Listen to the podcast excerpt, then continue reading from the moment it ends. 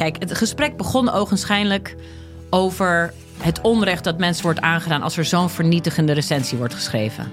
En wat dat met mensen doet. Daar leek het gesprek over te gaan.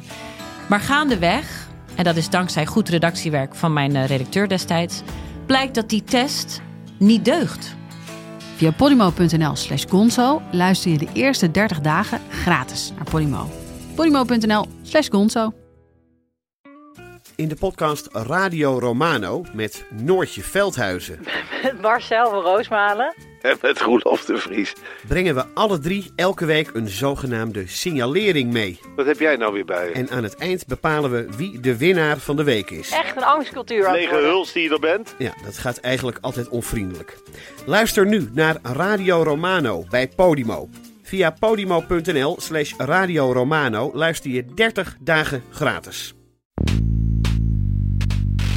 In de afgelopen tien jaar las ik van alles en nog wat over Oeruzkan. Over de veiligheid natuurlijk in de eerste plaats in het nieuws.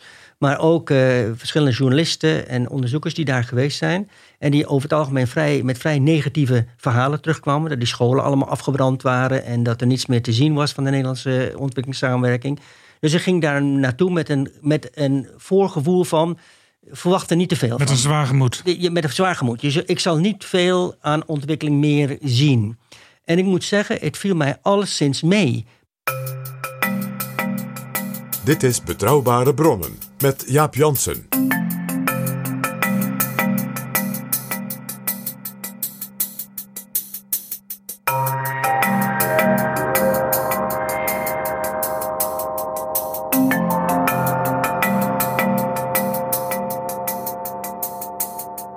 Hallo, welkom in Betrouwbare Bronnen, aflevering 151.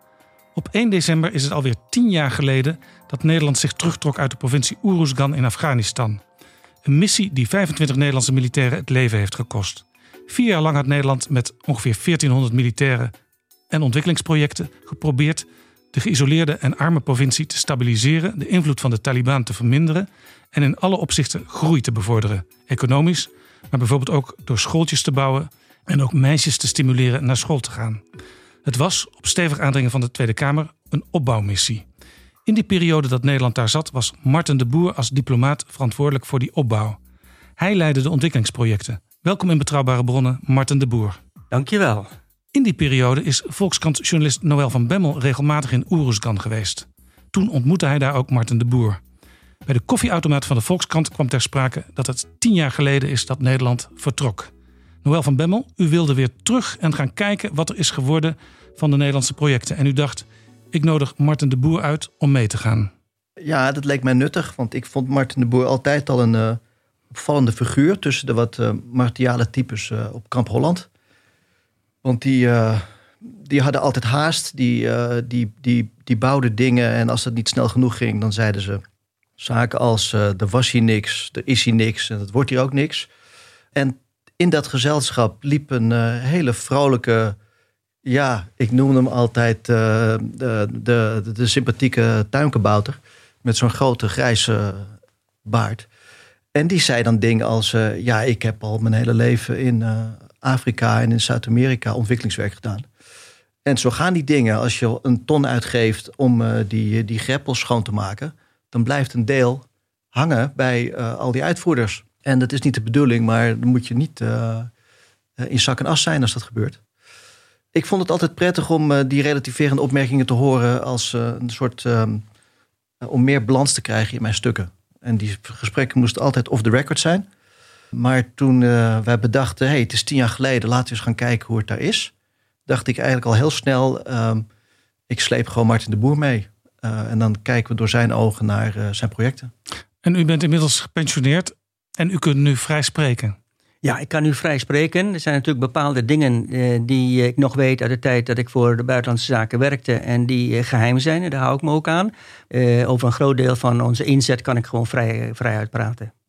Maar u zei ook tegen Noël: Ja, zo'n journalistiek reisje erin en eruit, dat vind ik eigenlijk te mager als je echt een, een beeld wil hebben van wat er bereikt is in Oeruzgan. Ja, dat klopt. Eh, De, de militaire inzet eh, beperkte zich voornamelijk tot eh, de, de hoofdplaatsen van drie districten: Tarinkot, Derewood en Chora. Omdat dat gebieden waren die, waar je kon beginnen met een stuk veiligheid te scheppen. Maar het waren ook de gebieden waar de regering veel meer controle had. Waar een aantal stammen woonden die positief stonden tegenover de Afghaanse regering. En wij vonden vanuit Buitenlandse Zaken het erg belangrijk dat we de, meteen vanaf het begin zouden laten zien dat we daar waren voor de hele provincie. Dus we hebben ook heel veel activiteiten ondernomen in andere districten waar de militairen niet konden komen. En daar konden wij natuurlijk zelf niet naartoe op bezoek. En eh, journalisten die daar geweest zijn de afgelopen tien jaar, die beperkten zich heel vaak juist tot die paar plaatsen, Shora en, en Tarenkoot. Waardoor ze eh, dachten dat ze een beeld hadden van wat wij gedaan hadden in Oeruzgan, maar in feite een heel beperkt beeld kregen. Ja, want je dus, krijgt eigenlijk het, het, het positiefste beeld. Ja. Maar hoe het echt wat meer in de binnenlanden van de provincie ging, dat, dat zagen de journalisten niet. Dat zagen de journalisten niet. En ze zochten alleen maar één of twee plaatsen die dus juist door de Taliban uh, aangevallen waren, omdat die pro-regering zijn. Terwijl ze niet zagen al die gebieden waar zaken gewoon door konden gaan. Dus ik heb toen tegen Noël gezegd van ik vind prima, maar dan op voorwaarde dat we het Afrikaanse onderzoeksbureau daar een onderzoek laten doen in de hele provincie, zodat we beeld krijgen van wat er gaande is in de hele provincie. Ja, dat onderzoeksbureau dat werkt samen met Cordate. Cordate, een Nederlandse ontwikkelingsorganisatie die, die daar ook geweest is en actief is geweest in Oeruzgan. En er is dus een breed rapport gemaakt, gebaseerd ook op gesprekken met heel veel mensen, over hoe de afgelopen tien jaar ervaren is. Ja, ik denk dat Cordate veel uh, lof verdient ook. Dat zij hebben gezegd, uh, wij, wij uh, accepteren die maatschappelijke verantwoordelijkheid. Want wij hebben, ze waren al actief in Oeruzgan voordat de Nederlanders daar kwamen. En zijn ook tot vorig jaar doorgegaan. En ehm, uh, ik vond het ook een goed idee om een wat groter onderzoek te doen. Want als je in Nederland een reportage doet, dan kan je gewoon universiteiten bellen, onderzoekers bellen, rapporten lezen. Dan heb je wel een breed, gedegen beeld. En dan kan je dat aanvullen met reportage-elementen. Maar hier in Oeruzgan is helemaal geen informatie uh, beschikbaar. Dus toen zei Cordate, wij vinden het ook belangrijk om te kijken... wat is er nou geworden van al die projecten. En wij uh, gaan dat financieren. Dus dat was echt geweldig dat ze dat hebben gedaan. Ja, en dit, dat onderzoekbureau heet de Liaison Office. En de liaison office is geen, is geen partner of, eh, of, of uh, hangt niet samen met Cordate. Uh, Cordate heeft in feite nooit de TLO, voor zover ik weet, gefinancierd. Maar het is een onafhankelijk onderzoeksinstelling in Afghanistan. En wij hebben Cordate, vanwege die maatschappelijke verantwoordelijkheid die zij zagen, bereid gevonden om dit te financieren. Nou, zou je kunnen zeggen, ehm, Nederland heeft daar gezeten. Dat is alweer tien jaar geleden dat Nederland daar vertrok. Maar heeft Nederland nooit zelf dit soort onderzoek laten doen? Want je wilt toch weten wat het resultaat is van je inspanningen? Voor zover ik weet, niet. Ja, Martin, dat is jouw verantwoordelijkheid. Heb je dat nooit laten zo uitdrukken? nee, maar er zijn, er zijn twee onderzoeken geweest voordat de Nederlanders kwamen en toen ze weggingen. Ja. Maar ook door TLO. En dat is betaald destijds de buitenlandse zaken. Ah ja. Ja, ja.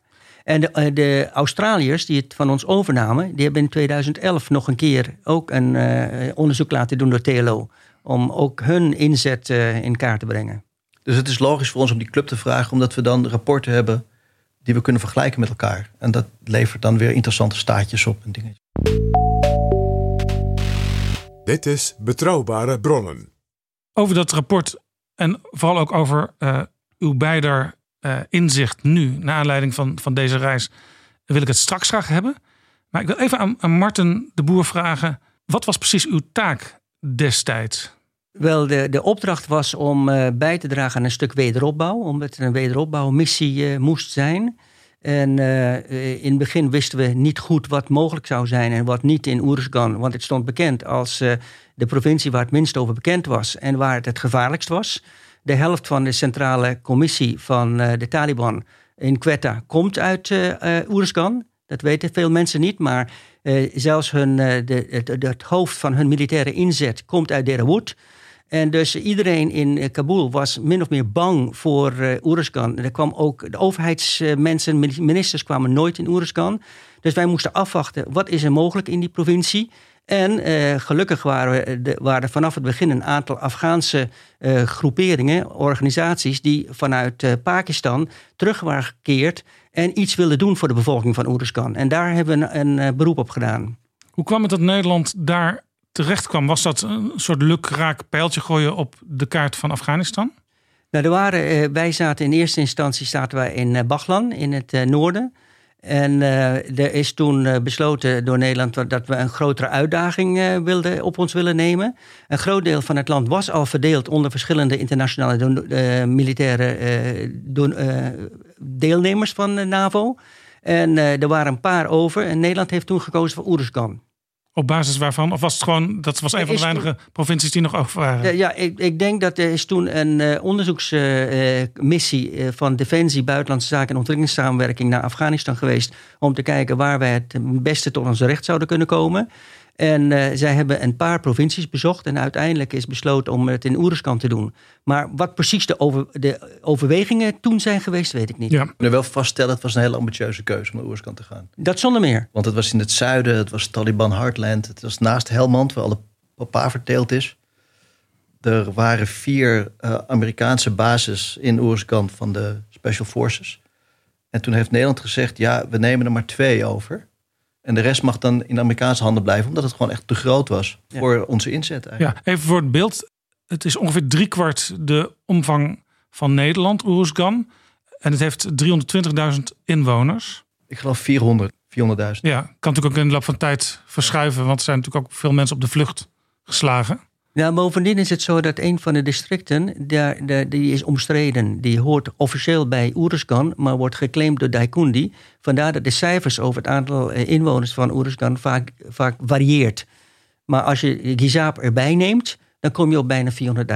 Ja, veel van wat wij in Nederland eh, bijvoorbeeld op het televisiejournaal zagen uit Oeruzgan... Eh, was militairen die daar actief waren. Maar u zegt met nadruk... Eh, er was toen echt een opdracht van de politiek van de Tweede Kamer om er een opbouwmissie van te maken. Dat klopt. En uh, het was erg frustrerend dat wij daar niet uh, erg open over konden zijn naar, de, naar de publiciteit toe, naar de media toe in Nederland. En dat kwam omdat uh, het groot deel van het gebied waar wij werkten en waar onze partners werkzaam waren, die waren in handen van de Taliban. En de, die partners die konden daar alleen maar opereren als ze niet gekoppeld werden aan de Nederlandse militaire inzet. Dus we moesten dat heel uh, parallel houden, heel apart houden. We hielden wel de militairen geïnformeerd over wat, waar we mee bezig waren. Maar we konden niet heel open zijn naar iedereen over wat precies gedaan werd in de provincie. Want het uh, was niet handig als er een link lag tussen dat opbouwwerk en het militaire aspect. Nee, wat, wat, we gezien hebben in, in Afghanistan is dat overal waar een school bijvoorbeeld gebouwd werd met uh, bescherming en steun van de Amerikaanse militairen, werd die vrij snel uh, op de korrel genomen door de Taliban. En dat wilden wij voorkomen. Uh, wij waren daar in eerste instantie voor de bevolking. En we waren niet als vertegenwoordigers van een overheid of een, een militaire inzet. We wilden zorgen dat we bijdroegen aan stabiliteit en vrede in het gebied, maar ook een stuk wederopbouw, ontwikkeling. Dus voor ons was het belangrijker om de organisaties waar we mee werkten een beetje uh, buiten het voetlicht te houden, zodat ze hun werk konden doen, dan heel erg naar buiten uh, naar voren brengen dat dit allemaal het werk was van Nederland. U ging daar naartoe, had u een budget? Ja, toen, toen ik gevraagd werd om daar naartoe te gaan voor deze wederopbouwmissie, toen moest ik bij minister van Ardennen komen op de Kamer. En, Agnes van Ardennen, minister van Ardennen, die was de minister voor ontwikkelingssamenwerking. En uh, zij was blij dat ik bereid was om daar naartoe te gaan om advies te geven aan, uh, aan de militaire missie. En zei: Ik geef je meteen al 10 miljoen euro mee. Maar ik, weet nog niet wat wel en niet mogelijk is in die provincie. En geld mag niet de beperkende factor zijn. Je zult genoeg andere beperkende factoren tegenkomen. Dus zo, met andere woorden, u, u, moest gaan pionieren. U moest eigenlijk uit gaan vogelen wat er mogelijk was. Precies, precies. Moest kijken uh, wie is bereid om te werken in Oeruzkan. Wat voor capaciteit zullen die hebben om dingen uit te voeren. Uh, en op basis daarvan moest dan geld, als uiteindelijk daar een bepaalde financiële plaatje tegenover stond, moest dat niet een beperkende factor zijn. Hoe kon u daar werken?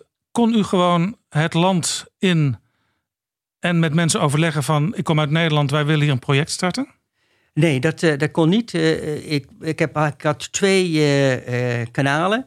Eén was om mensen uit te nodigen naar Kamp Holland. En daar met hen te overleggen, met een tolk uit, uiteraard. Want u was gestationeerd ik op was, Kamp Holland? Ik, ik, was het eerste jaar gestationeerd op Kamp Holland.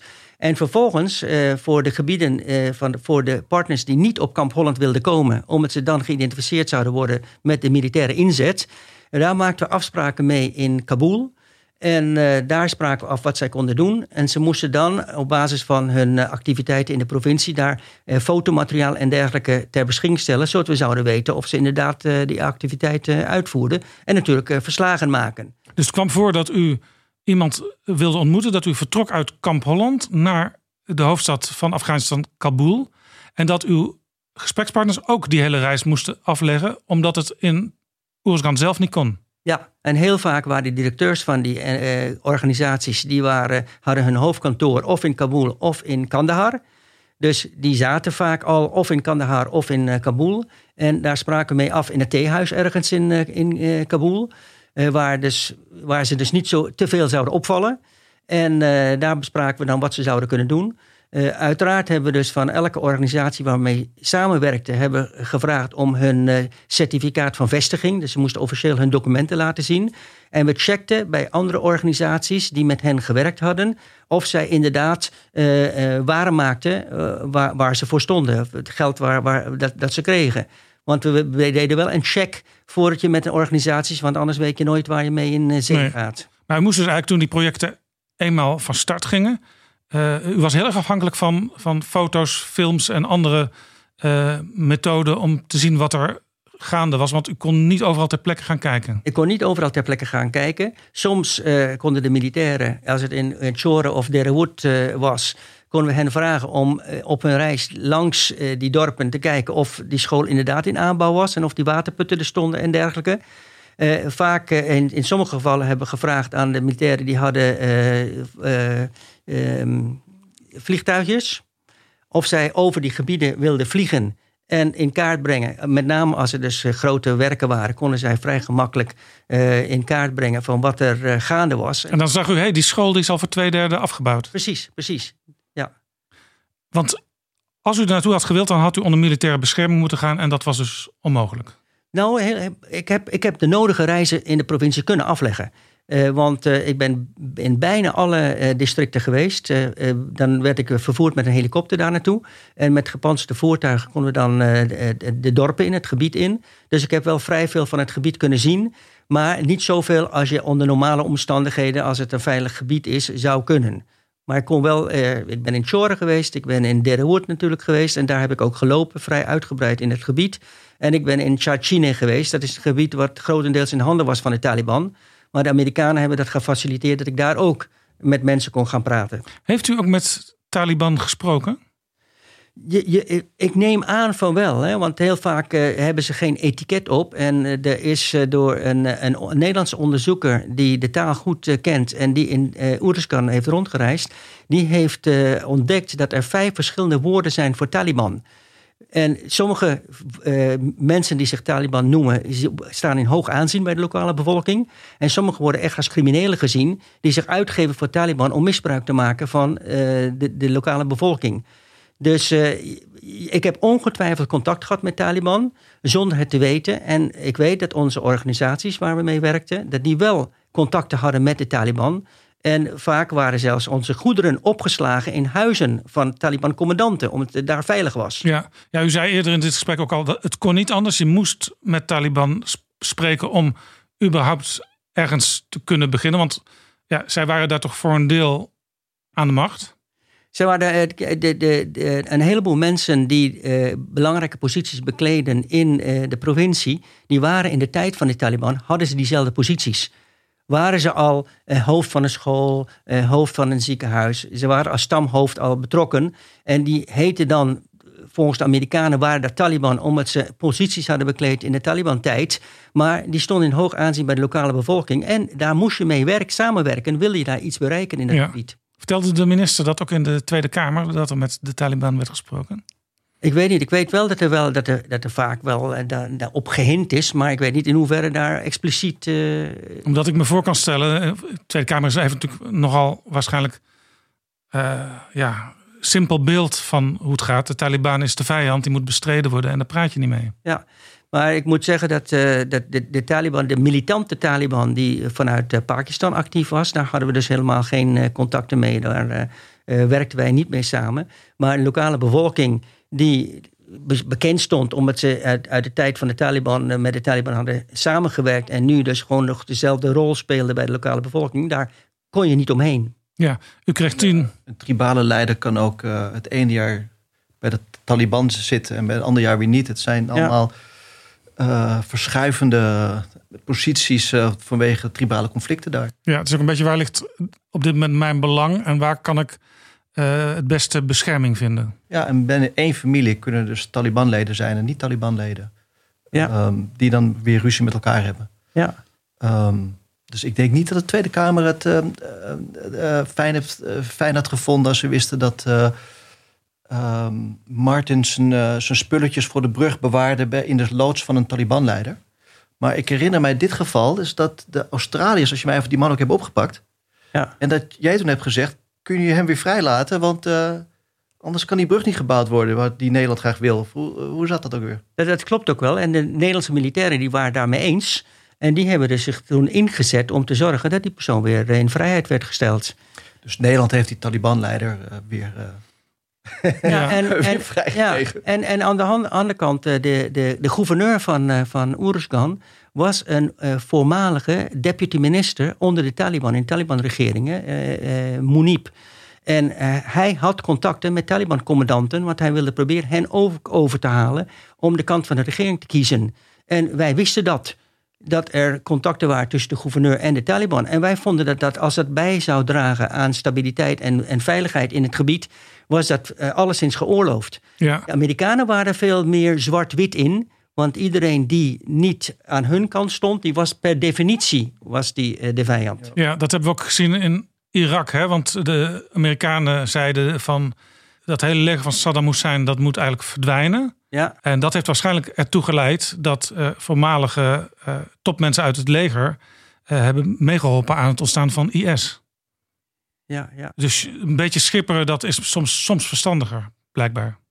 Ja, je moet rekening houden met de lokale dynamiek en de lokale context waar je werkt. En uh, uiteraard ga je geen terroristen en, uh, en mensen die dus uh, erop uit zijn om, om mensenlevens te eisen, ga je niet mee in overleg. Maar aan de andere kant moet je wel zorgen dat je de lokale context, dat je daarmee werkt en daarin werkt. En zorg dat je zo optimaal mogelijk je doelstelling bereikt. Ja, u kwam daar binnen met 10 miljoen die u van mevrouw van Ardenne had meegekregen. Wat heeft u uiteindelijk in totaal aan projecten kunnen uitgeven? Het totaalbedrag is uh, ruim 180 miljoen uh, euro over de uh, vier, jaar, vier vijf jaar uitgesmeerd. in het begin waren de uitgaven vrij beperkt, omdat de eerste capaciteit moest worden opgebouwd. Maar naarmate we grotere projecten konden gaan ondernemen, en dat is dankzij, dan moet ik wel zeggen, dankzij de militaire inzet. Want we kunnen, we kunnen nu stellen dat uh, de duurzaamheid van de veiligheid die de Nederland en Australiërs hebben gecreëerd, helaas voor een groot deel verloren is gegaan. Maar als de militairen niet in die periode hadden gezorgd voor een voldoende veilige omgeving, hadden al die uh, Afghaanse organisaties niet kunnen werken en was niet de basis gelegd voor wat we nu nog aan ontwikkeling kunnen zien in de provincie. Ja, want het was ook zo dat uh, toen Nederland daar begon, toen waren er nog nauwelijks uh, internationale organisaties. En die zijn toen langzamerhand wel allemaal gekomen. Ja. Toen het steeds veiliger werd. In, in het begin, toen we er kwamen, was dus één internationale organisatie. Dat was het Internationaal Rode Kruis. Die werkte via hun Afghaanse uh, tak. En er was het Wereldvoedselprogramma. Dat hulp uh, bood voor mensen die dus uh, geen voedsel hadden. Dus voedselhulp boden via Afghaanse organisaties. Dus die telden wij mee, die twee. Maar voor de rest waren heel beperkte, er was een heel beperkte aanwezigheid. En in de loop der tijd is dat enorm uitgegroeid tot veel Afghaanse organisaties, maar ook VN-organisaties zijn toen gaan werken in uh. En verschillende donoren die zijn geld gaan geven voor activiteiten in Oeruzgan. Dus alles bij elkaar is het een veel dynamischer omgeving geworden. Noël van Bemmel vertelde al dat u uh, ja, de meest optimistische Nederlander was die daar rondliep uh, in Kamp Holland. U kwam natuurlijk uit Latijns-Amerika en uit Afrika waar u gewerkt had. Was dit de moeilijkste plek om te werken? Ja, dit was een hele, hele, moeilijke, hele moeilijke plek om uh, te werken. Maar met name ook vanwege de beperkte vrijheid. Hè. Je, je, je zat in het begin op Kamp Holland. Na een jaar heeft de ambassade gezegd... nou, je kunt veel meer bereiken als je in Kabul zit. Want heel veel mensen waar je nu mee werkt... die kunnen in Kabul wel met jou in contact treden, maar in Oeruzgan op Kamp Holland niet. Dus vandaar dat ik de rest van de tijd in, in, vanuit Kabul heb, heb gewerkt. Maar u heeft er wel opgestaan om, om eerst te beginnen in Oeruzgan zelf, in Kamp Holland. Ja, ja, ja, ja zeker. Uh, zowel naar de, de militair toe. We hebben altijd mensen gehad op uh, Kamp Holland. Uh, drie mensen vanuit Buitenlandse Zaken. Eén voor de politieke analyse en de politieke advisering. Eén voor de advisering op het terrein van wederopbouw. En één voor advisering op het terrein van de tribale conflicten en de tribale samenstelling van, van de provincie. Dus we hadden steeds hele goede deskundigen, ook wat betreft de, de lokale context. Ja.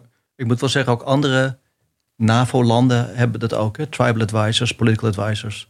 Ja. Uh, en dat waren ook echt wel mensen die ook Pashto konden spreken en zo. Dat was wel, uh, dat was wel belangrijk. Dat was wel serieus. Maar uh, toch is hun, hun, hun zicht op, die, op zo'n provincie, op zo'n gebied, was toch beperkt. Ehm, ook al doe je nog zo je moeite met drones en met informanten. Ik herinner mij dat ehm, de, de opbouwwerkers, de, het reconstruction team tegen mij, tegen mij vertelden we hebben allerlei interessante microleningen gegeven aan jonge meisjes, jonge vrouwen die uh, koekjes bakken. En dat was hun leukste project eigenlijk. Dus toen dacht ik van nou, ik ga kijken uh, bij de koekjesbaksters. Ja. Uh, en dan heeft Martin mij ook geholpen, want dat deed je af en toe. Ik verkleedde mij, ik ging mee met in dit geval dus de, de kredietmannen. ja, je moet je altijd verkleden hè, als je daar het binnenland in ja. wil. Ja, en je moet sowieso proberen niet op te vallen uh, als je de deur uitgaat. En als je dan snel bent, dan heb je kans dat je... Want als je de westers uitziet, dan ben je een target. Ja, dan ben je een, uh, een ongelovige. Uh, zelfs, zelfs nu nog grapte de, die grote aannemer met wie wij een rondje deden... nu in Oersgan, die... Want ik, heb een hele, ik had een hele goede fixer, een tolk bij me... die dus alles vertaalde. En, ja, fixer, dat moet ik even markeren. Een fixer, dat is iemand die daar woont en werkt... en die journalisten helpt om op de juiste plek te komen en vaak ook als tolk fungeert? Ja, de fixer is jouw assistent uh, ter plekke. En dat moet je, dat, die is dus veel belangrijker dan gewoon een chauffeur of zo. Dat is bijna een journalist. Dus als je tegen hem zegt: Ik wil graag uh, een stuk schrijven over dit, uh, dit thema. Dan zegt een goede fixer: Nou, dan moet je die spreken en die spreken en die spreken. En ik heb zijn nummer en dat regel ik allemaal. En dan, dan heb je iemand die zijn geld echt waard is. Ja, en de fixer die zegt ook af en toe van wij zouden vanmiddag uh, naar dat adres gaan, maar dat lijkt me nu niet verstandig. Ja, ja. dus uh, in, in, in, dit geval was het ook iemand die uit een belangrijke familie kwam, een hele goede contacten had uh, onder de, de Poppelzaai. Een, een, een groep binnen Oersgan. En ik had er veel vertrouwen in hem. Hij was zelf 21 maanden ontvoerd door de Taliban en gemarteld in een grot op de grens met Pakistan. En toen wist hij toch nog uh, te vertellen van ja, als je eenmaal gemarteld bent, dan ben je toch een stuk voorzichtiger. En, uh, hij bleef het werk wel doen. Ja, hij kon er dus wel nog een, een, een, grap over maken. maar je komt ook de, de klusjesman tegen in het plaatselijke ziekenhuis. Die was ook ontvoerd. maar dan door de Amerikanen. Negen jaar in Guantanamo Bay. en die vertelt het dan een beetje schouderophalend dus ja, het was wel. Uh, je komt wel heel veel uh, bizarre verhalen tegen. Was hij. Maar ik, ik was die man per ongeluk in Guantanamo Bay terechtgekomen? Hadden de Amerikanen gewoon een aantal mensen meegenomen? Nou, in dit geval heb ik begrepen dat uh, er een tip was gekomen van er zitten Taliban-strijders in zijn huis. Dus toen zijn er Amerikaanse commando's s'nachts met een night raid naar zijn huis gegaan. maar ja, dit is Afghanistan. Dus in ieder huis zijn er wapens. Dus dat werd een enorm vuurgevecht. En uiteindelijk is deze man uh, gewond, uh, is die uh, weggerend. En uiteindelijk is hij de volgende dag gevonden. En meegesleept naar Bagram, dat is die luchthaven van de Amerikanen. En hij zegt, dat was het ergste van alle ervaringen die ik heb gehad in Bagram. Want daar doen ze aan het waterboarding. En daarna dus heel lang Guantanamo. Ik vind dus altijd het verhalen wordt gewoon tussen neus en lippen. Te horen wie je tegenkomt onderweg. Ja. Um, om nog even mijn verhaal af te maken over de, de, de koekenbaksters. Als je, als je eenmaal dan ter plekke bent bij zo'n project, dan, uh, dan uh, komt er een wat oudere man naar mij toe met een grote lange baard. En dat is de vader van vier dochters. Uh, die de aanvraag heeft gedaan voor de microleningen, maar dan zijn dochters heeft laten tekenen. zodat hij dus vier leningen kon aanvragen in plaats van. Ah, ja. En daarmee was hij dus een hele grote koekjesfabriek begonnen. Uh, met nog een, een, extra vestiging elders in de provincie. Het was de Verenigde Koekjesfabriek. ja, dus ik vond het heel slim en heel ambitieus van die man. Maar ehm, ja, de ontwikkelingswerkers terug op Kamp Holland... die keken wel een beetje beduiterd. Want het was dus gewoon een, een oudere man die dit allemaal deed. maar goed, zijn dochters konden er wel werken? Nee, die werkte dat niet. Want in, in Oerskan werkt de vrouw niet. En meisjes gaan ook niet naar school, omdat er leef, leefregels gelden die nog pre-islamitisch zijn. Die zijn nog, nog veel strenger dan in andere islamitische landen. Dus de, de, de directeur van de basisschool of van de, van de middelbare school, die zegt: Ik heb een paar jaar in Iran gewoond. En dat is een paradijs voor vrouwen. Dat is zo'n vrijheid. Dan mag je gewoon met een simpele hoofddoek rondlopen. Je mag werken, je mag naar school. En het was niet te vergelijken met het leven van een vrouw in Oersgan. En, nou, en dat is heel erg hard. Dus in principe, vrouwen zaten thuis? Ja, volgens de Pashtunwali, de traditionele leefregels, ga je niet naar school als meisje. En misschien tegenwoordig iets meer tot je negende mag je naar school. En je mag niet werken. En de, er is een netwerk van vrouwen, dat zijn met, met name leraressen, die proberen om uh, uh, de, de, de, de, vrouwenrechten te verbeteren in Oerskan. En die gaan dan naar de moela's en die gaan naar de gouverneur. Die zeggen: nergens in de Koran staat dat je als vrouw niet mag werken. En in de hele Arabische wereld mogen gewoon, of in de hele islamitische wereld, mogen vrouwen gewoon werken. Dus waarom kan dat hier niet? En die proberen dus die, uh, die, strijd te voeren. Dat is echt buitengewoon dapper dat ze dat doen daar. Ja, dat was ook een van de Nederlandse opdrachten, uh, Martin de Boer. Meisjes die zouden ook naar school gaan weer. Deze week was er een donorbijeenkomst in Genève eh, met 70 landen en 30 internationale organisaties om Afghanistan eh, te helpen. En daar zei uh, Josep Borrell, hij is de buitenlandman van de Europese Commissie. Hij had eigenlijk twee voorwaarden om de hulp weer te verlengen. Het geweld moet stoppen en vrouwenrechten moeten beschermd worden. Ja, dat, eh, dat, dat blijft natuurlijk belangrijk. Dat je uh, in, in zo'n provincie, als je aan wederopbouw denkt, dan denk je met name aan de minderheden, aan de mensen die dus aan de zelfkant van de samenleving leven. Dus vandaarom wilden we ook niet alleen maar in Tarinkot en Derawood uh, werken, maar ook in de rest van de provincie. Omdat daar gewoon heel veel mensen waren die niet tot de elite behoorden en die ook onze hulp nodig hadden. Ja. Maar in, wij merkten in, in ik bedoel uh, Noël die schetst, nu een situatie van hoe uh, de achterstandspositie van de vrouwen is in het algemeen. Maar de vrouwen weten vaak daar toch wel onderuit te komen. Wij merkten op een gegeven moment toen een van onze. Zie je dat Martin altijd positief is? Ja, toen een van onze Arabisten op buitenlandse zaken daar op bezoek was. Toen heeft, heeft, zij met nog wat meisje, vrouwen in Terenkoot gesproken. En die zeiden dat ze allerlei sluipwegen hadden tussen de huizen door. Waardoor ze contact oh met elkaar konden hebben. En toen op een gegeven moment wij een uitzending financierden van NAWA, een radio- en uh, mediaorganisatie, om te zorgen dat allerlei boodschappen en, uh, en uh, soaps en dergelijke met een boodschap in Oeruskan werden uitgezonden. Toen bleek uit hun, uit hun gegevens, want zij konden tra traceren waar die gesprekken vandaan kwamen, dat vrouwen uit Oeruskan inbelden bij de radio in Kabul om vragen te stellen of om, uh, om, om, hun mening te geven over bepaalde zaken. En ze gaven zich dan uit als zijnde een vrouw uit Kandahar.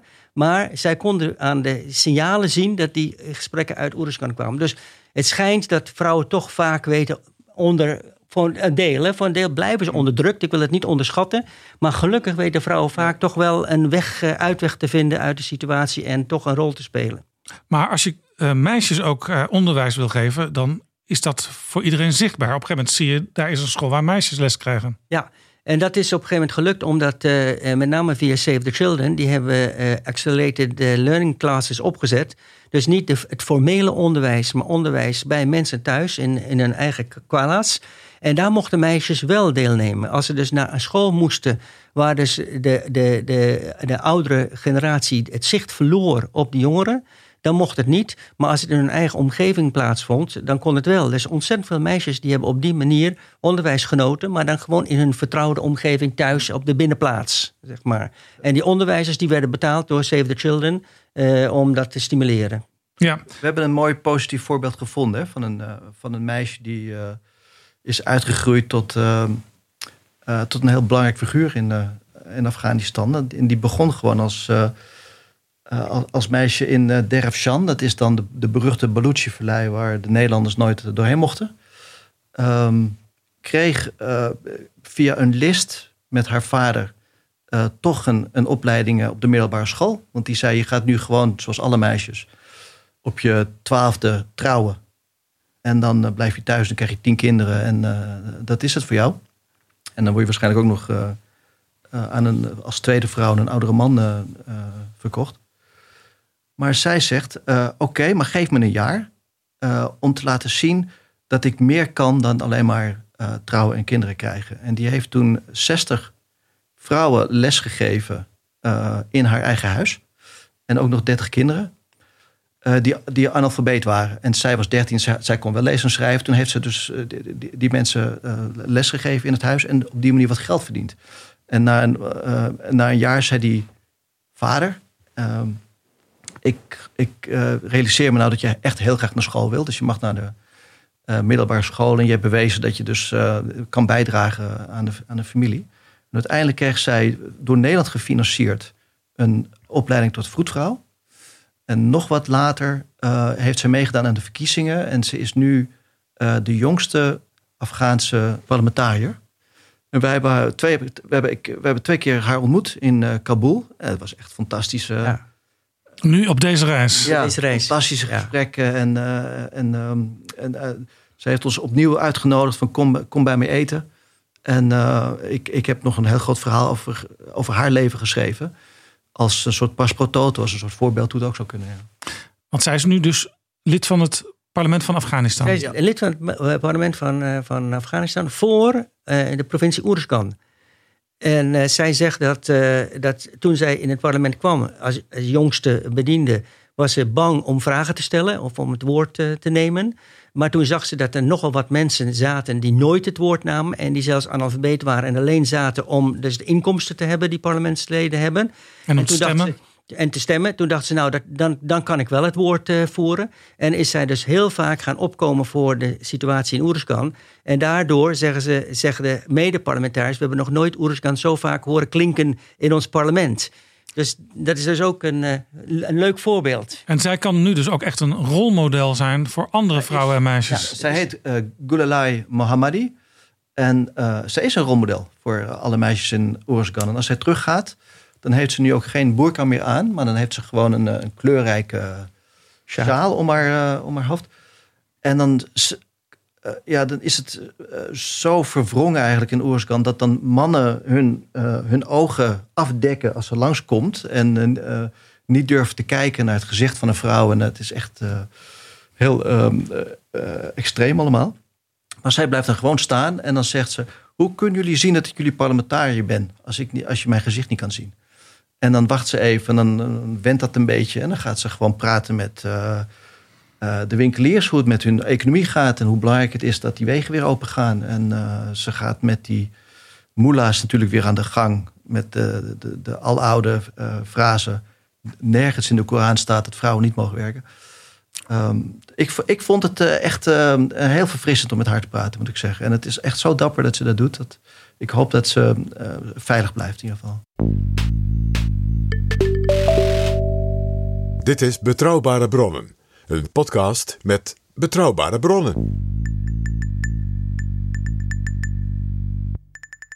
We zijn inmiddels in jullie reis terechtgekomen die jullie onlangs hebben uh, gedaan met z'n tweeën. Je vertelde al, uh, Noël, je had een fixer en er waren uh, vijf beveiligers mee. Dat waren, dat waren vrienden van die fixer? Die fixer die zei, jullie mogen best wel um, uh, die, die weg die Nederland heeft gebouwd naar Chora bekijken. Althans, de eerste paar kilometer, uh, die zijn vrij van Taliban. Er is een verharde weg aangelegd toen Nederland daar was. Dus een van de belangrijkste projecten van de Nederlanders was om een asfaltweg te bouwen naar Chora. 43 kilometer lang. Prijzige weg, 18,3 miljoen euro, belastinggeld.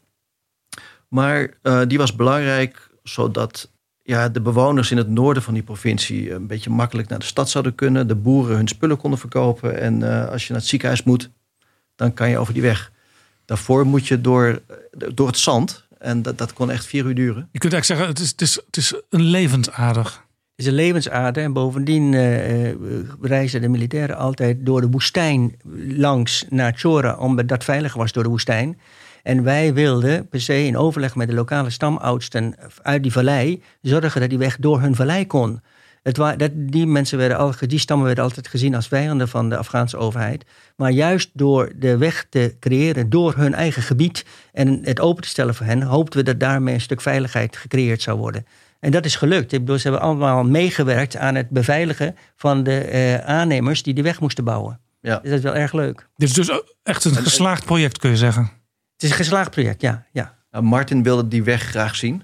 En we vroegen Ja. dat... eh, na landing hebben we zo'n eh, zo'n beleefdheidsbezoek gebracht aan de gouverneur. En het eerste wat die zei was... eh ben je gek? Je kan absoluut niet naar, eh naar Chora. En die weg is ook onmogelijk. Die is afgezet door, eh, door mijnen, door roadblocks en vergeet het. Maar onze, onze fixer, onze assistent zei van... je kan best wel een stuk gaan rijden. En ik vraag wel even een paar vrienden van mij om mee te rijden. En dat waren ja, vijf jongens die toch wel eh, flink bewapend waren. En die rijden dan vooruit. En dat is een, een truc dat als, je, eh, als er een roodblok is... en jij bent journalist en je gaat door een gebied... Wat, waar, de kans van op ontvoering eh, aanwezig is... dan rijdt er iemand voor je die jou kan bellen... en die zegt, ho, ho, ho, stop, stop, dat gaat hier mis. En dan kun jij nog op tijd eh, terugrijden. Detail is wel dat onze eigen fixer ook een Kalashnikov eh, uit, zijn, eh, uit zijn kofferbak pakte... en doorladen en ook een pistool. En nou is het zo dat een fixer eigenlijk niet gewapend mag zijn, omdat ge- eh, betaald wordt door de Volkskrant. Maar ik vond het zo link daar dat ik. En we zaten eh, met z'n drie in die auto. Ik dacht, ik vind het wel fijn als, als hij iets bij zich heeft. En we worden gewoon door, door gekken lastig gevallen. Want ik heb wel eens problemen gehad in Oersgan. Ook op. eh, weet je, dat, ze, dat het duwen en trekken wordt. Of je krijgt keihard een, eh, een stuk watermeloen in mijn gezicht gegooid of zo. Dus ik dacht, als er zo'n man naast me staat met een Klasnikov op zijn schouder, dan durven ze dat misschien wat minder snel. Of zo. Dus ik, eh, ik heb dat toegestaan en we zijn op die manier zijn we door, eh, door de provincie gaan rijden. Wisten ze wie jullie waren? Stond er in grote letters press op de auto? Nee. Nee, we hadden, we hadden dus gekozen voor discretie. Dus als je discreet wil zijn in Oersgan, dan heb je een oude Toyota Corolla, kleur wit, en dan illegaal geïmporteerd uit Pakistan, dus zonder kenteken. Dat is eigenlijk de, de meest voorkomende auto. Ja, dat is echt de auto die iedereen heeft daar. Ja, ja. En uh, wij zijn daar in onze shalwar kamis, in onze traditionele of in plaatselijke gewaden, zijn we daar gaan zitten. Martin had nog een, uh, heel, uh, een hele outfit liggen hier in Nederland. Ik heb snel daar uh, op de bazaar moeten bestellen. Martin had ook zijn baard laten staan? Ik heb een baard speciaal laten staan ook. Nog wel ook? Ja. Ja, ja ook. Ja. Want als je zonder baard in Oerskan rondloopt, dan doen mannen dit, het gebaar dat ze met een vinger naar hun kin wijzen en dan uh, naar de lucht wijzen, naar God. En uh, dat betekent, waarom heb jij geen baard?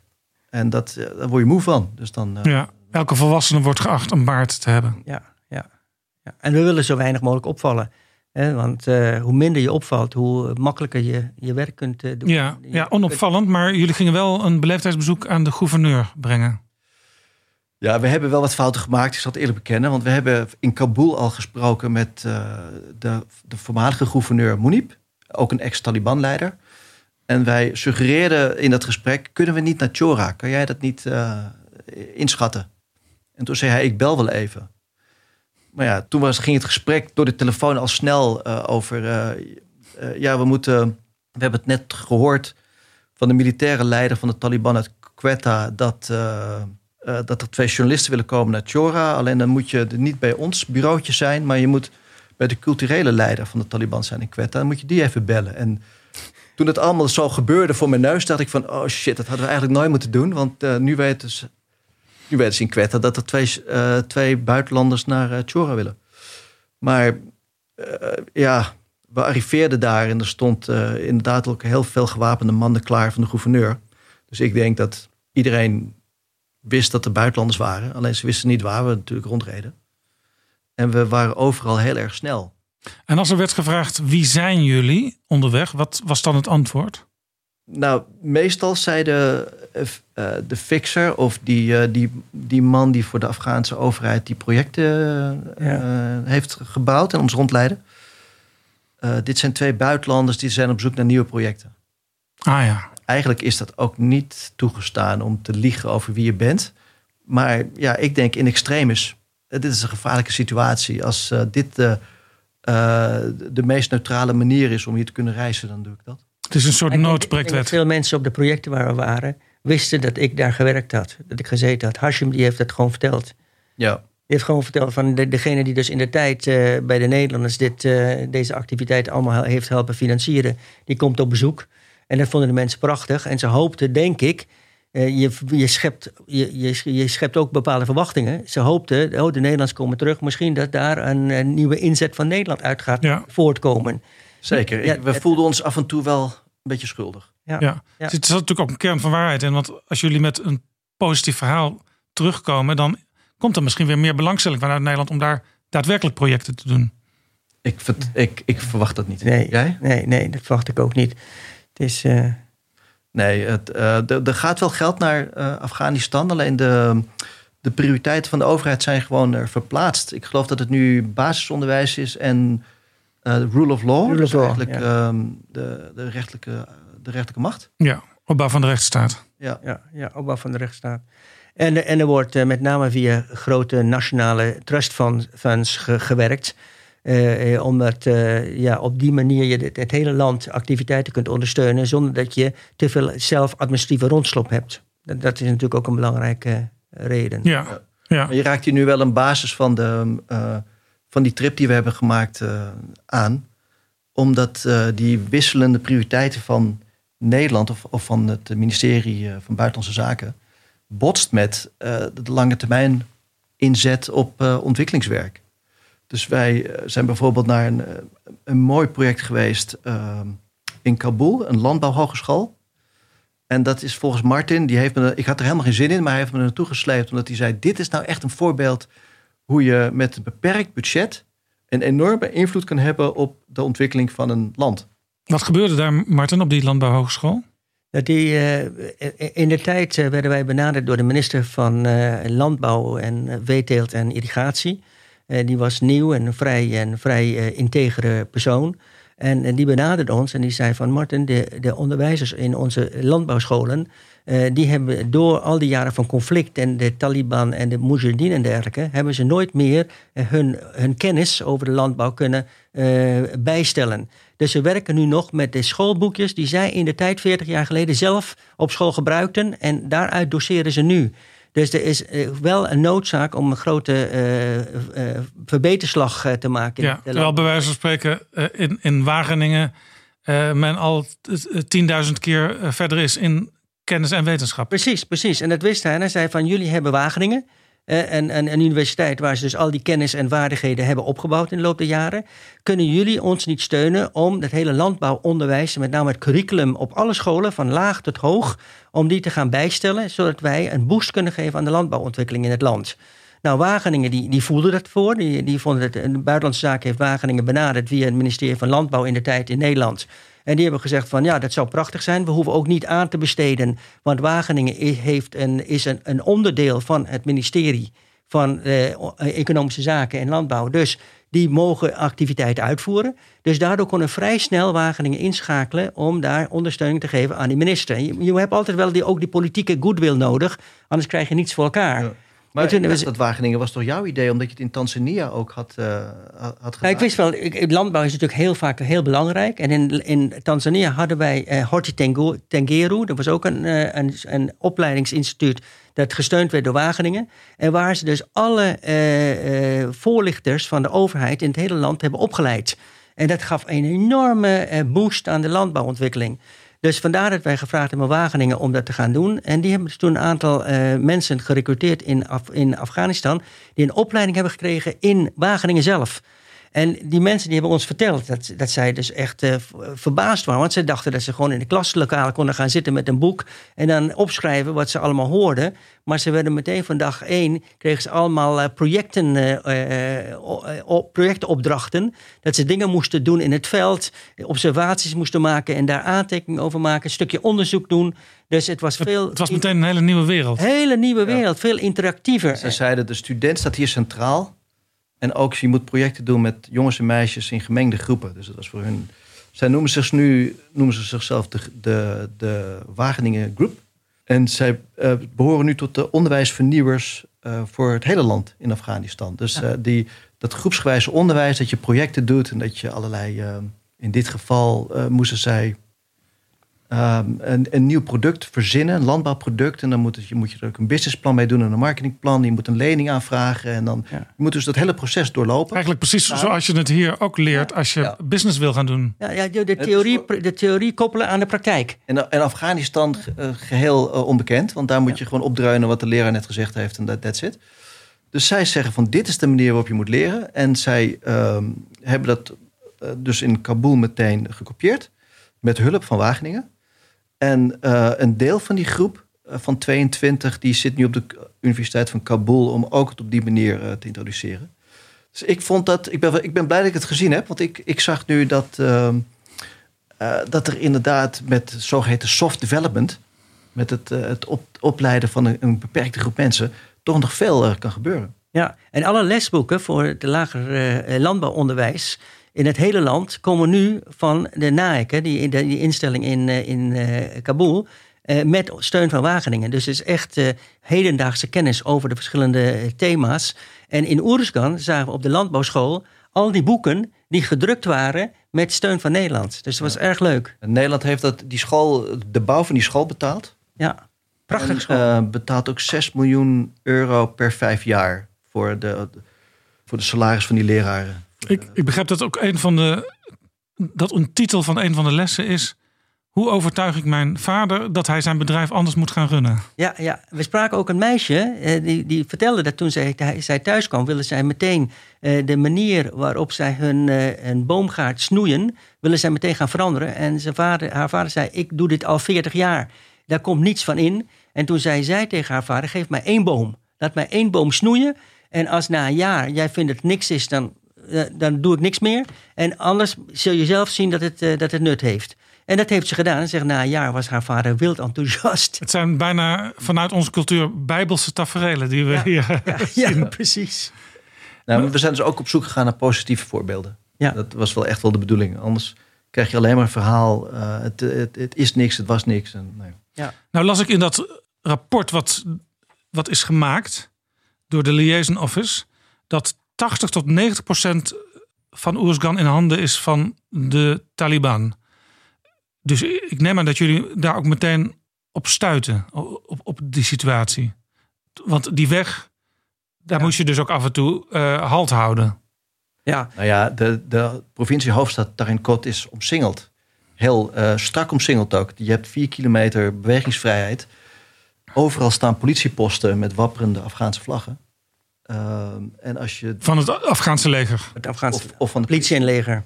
En als je ook maar uh, iets verder rijdt, uh, daar, daar begint dus ook de, de frontlinie. Dus daar zijn, zie je veel kapotgeschoten huizen. Daar zie je dat velden niet worden bewerkt.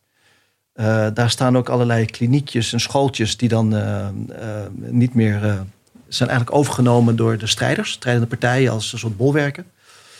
Dus dat vonden wij wel triest om te zien. Dus ook dingen die gebouwd zijn, onder andere met Nederlandse hulp, die zijn ingenomen als een soort strijdhoofdkwartier. Ja, dat.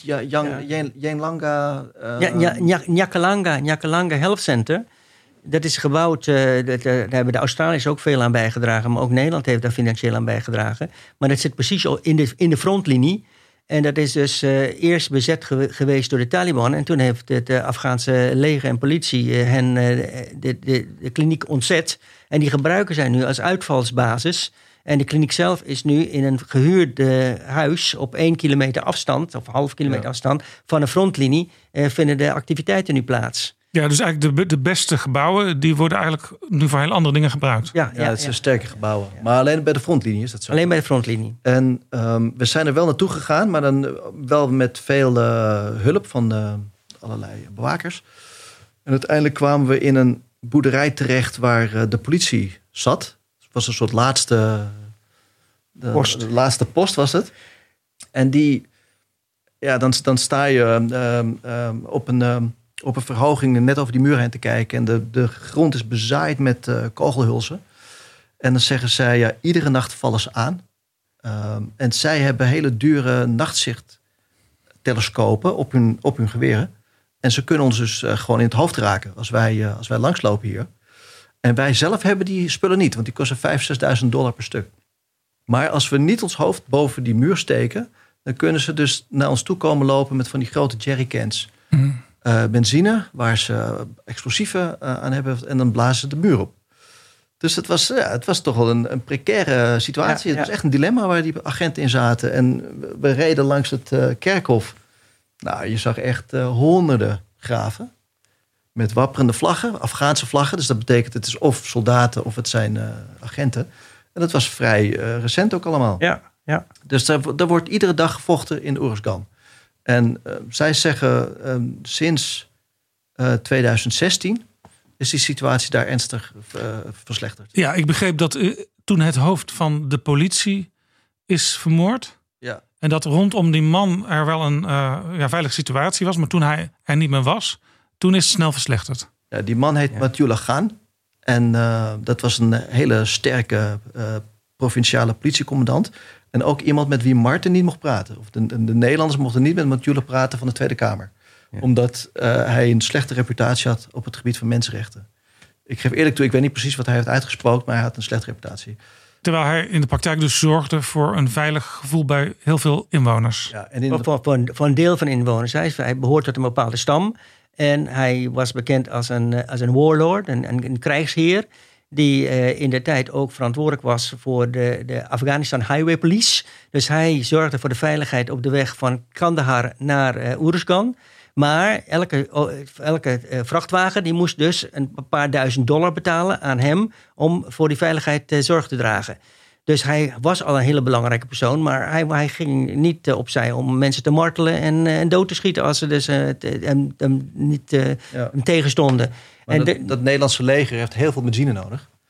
En dat komt uit eh, Pakistan, dus het komt over die weg. Dus dat betekent dat Nederland toch echt een fortuin betaald heeft aan deze man. Om Ja, die vrachtwagen... dat kan niet anders. dat kan niet anders. kan niet anders. Om die, om die vrachtwagen... En dat heeft de Tweede Kamer waarschijnlijk niet in brieven van eh, de regering gelezen. Ik heb het nergens gelezen in ieder geval. Nee, maar je weet ook niet, want ze hebben sommige, ik weet dat in bepaalde gevallen werden ze geëscorteerd. Dat als Nederland een konvooi uit eh, Kandahar liet komen, dan, ging, dan escorte- escorteerden ze die, dat die met helikopters en dergelijke, om te zorgen dat er dus eh, niets zou gebeuren. Maar op een gegeven moment hoorde ik van een van mijn NGO's dat ze dus opgepakt hadden uit Oeruzgan, dat er een, eh, een eh, valkuil zou worden neergezet door de Taliban voor de Nederlandse soldaten. Dat hebben we toen doorgegeven aan het Nederlandse commando. En die hebben dus gezorgd dat er tweemaal zoveel helikopters meevlogen met het konvooi. om te zorgen dat ze niet aangevallen zouden worden. Dus het is, Ja. het is de vraag in hoeverre zij Mathieu moesten betalen of niet. Maar ze wisten in elk geval dat een heleboel van de goederen die er kwamen, ook water en voedvoorraden, dat die via Mathieu Gaan eh, voor veiligheid moesten, moesten zorgen en eh, dat daarvoor betaald werd. Ja, je kunt dus eigenlijk niet om corruptie heen als je daar actief bent. Ja, ik, ik weet niet of je dit. corru- Ja, ja, het is natuurlijk corruptie als je zo iemand betaalt voor de veiligheid van je vrachtwagen. Die Afghanen die zagen het van eh, dat de garantie is dat hun eh, vracht veilig overkomt. En zij betalen voor die veiligheid. In hoeverre je dat corruptie moet noemen. Nou ja, hij is Afghaanse politiecommandant. Ja, hij is Afghaans. Ja, Eh, dus Ja. dan, dus Hij zou sowieso moeten zorgen, Die ja. moet betalen. Ja. Maar de, we rijden ook in, in Tarinkot. Wat, eh, nou ja, het is echt een klein plaatsje. Je bent er zo doorheen. Maar af en toe kom je kasten van huizen tegen. Met een, eh, met een tuin erbij. Dat lijkt wel een, een park van, eh, Ja. hè, voor, voor een prins. En dat kan eigenlijk alleen maar uit dit soort geld komen. Ja. Nou, dat zijn strongmen die of logistiek doen of beveiliging doen. en, en dus geld hebben verdiend aan die internationale donorwereld. Dat kan niet anders. Maar ja, hetzelfde geldt voor Kabul hoor. Dat is dan echt enorme paleizen. Eh, allemaal donorgeld. Eh, en eh, dan hebben we het nog niet eens over Dubai en Istanbul, waar heel veel Afghaanse villa's staan.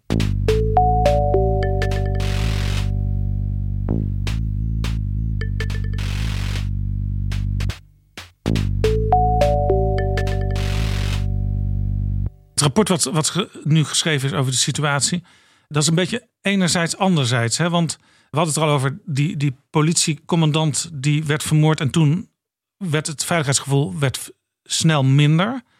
Het veiligheidsgevoel, nee, er kwam zelfs een grote aanval op Tarinkot in 2016. Dus een jaar nadat die, eh, die politiecommandant eh, was vermoord.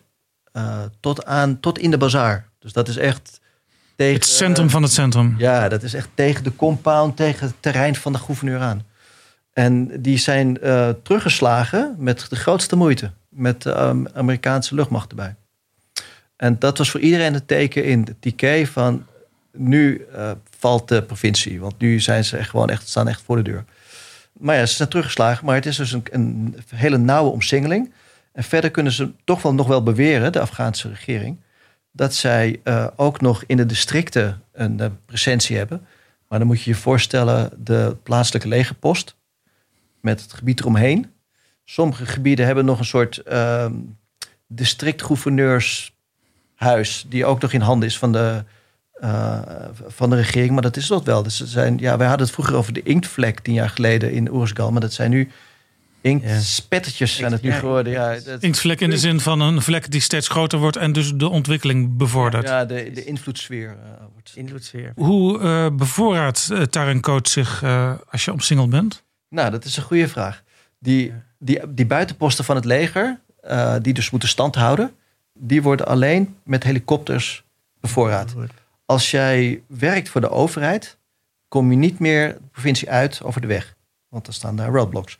Dus die kunnen alleen maar vliegen met het, uh, de luchthaven die door Nederland is gebouwd. Uh, naar Kabul of naar Kandahar. Dus die betalen dan 80 dollar of zo is het geloof ik. En dan kunnen ze eruit. En die, ja, die mensen die daar werken op, met die gouverneurs zijn ook allemaal buiten. Nou ja, ik denk 90% komt van buiten de provincie. En als je nou bijvoorbeeld een, gewoon een plaatselijke bakker of slager bent of een speelgoedwinkel hebt? Dan kan je naar Kandahar rijden. Ehm, en als je dan een goede reden hebt, zal de Taliban jou niet tegenhouden. Misschien moet je betalen, maar uh, verder kan je wel er naartoe. Soms zijn die wegen echt met uh, mijnen afgezet, vooral bijvoorbeeld de Chora Road.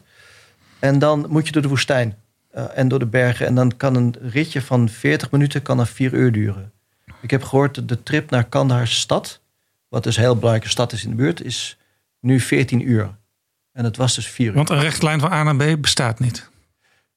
Nou ja, die bestaat wel. Dat is, dat is een asfaltweg die ooit gebouwd is door, een buitenlandse, door de internationale gemeenschap. Maar nu moet je door de woestijn. En de woestijnwegen zijn echt heel slecht. Die, dat gaat op en neer. En je hebt hele diepe gaten. En je zit vast. En dat is echt heel langzaam. Martin de Boer, u vertrok daar. De Nederlanders vertrokken daar tien jaar geleden. Wat is nu uw persoonlijke beeld nu u daar terug geweest bent? Nou, ik moet zeggen, die, we, we vertrokken uh, qua ontwikkelingssamenwerking een paar jaar later. We zijn tot 2012, 2013 doorgegaan om met heel veel activiteiten. Die liepen nog en toen de militairen vertrokken. Maar uh, ik moet zeggen dat in de, in de afgelopen tien jaar hoor je regelmatig, las ik van alles en nog wat over Oeruzkan. Over de veiligheid natuurlijk in de eerste plaats in het nieuws. Maar ook uh, verschillende journalisten en onderzoekers die daar geweest zijn. En die over het algemeen vrij, met vrij negatieve verhalen terugkwamen. Dat die scholen allemaal afgebrand waren en dat er niets meer te zien was van de Nederlandse ontwikkelingssamenwerking. Dus ik ging daar naartoe met een, met een voorgevoel van. Verwacht er niet te veel. Met een zwaar gemoed. Met een zwaar gemoed. ik zal niet veel aan ontwikkeling meer zien. En ik moet zeggen, het viel mij alleszins mee. Maar dat komt natuurlijk omdat ik daar met een, met een heel, eh, heel negatief uh, instelling naartoe ging.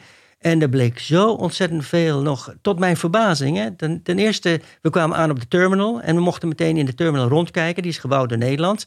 En die zag dat is een terminal ook met een uh, dak waar raketten in principe niet doorheen kunnen. Precies, dat, dat moest in de tijd, zeiden ze, we willen niet de verantwoordelijkheid nemen dat er een raket, want regelmatig werd een raket gestuurd, uh, geschoten op uh, de militaire basis die er net precies naast ligt. En uh, die raketten die hebben, die zijn meestal heel onnauwkeurig. Dus er kan heel makkelijk één vallen op een uh, terminal.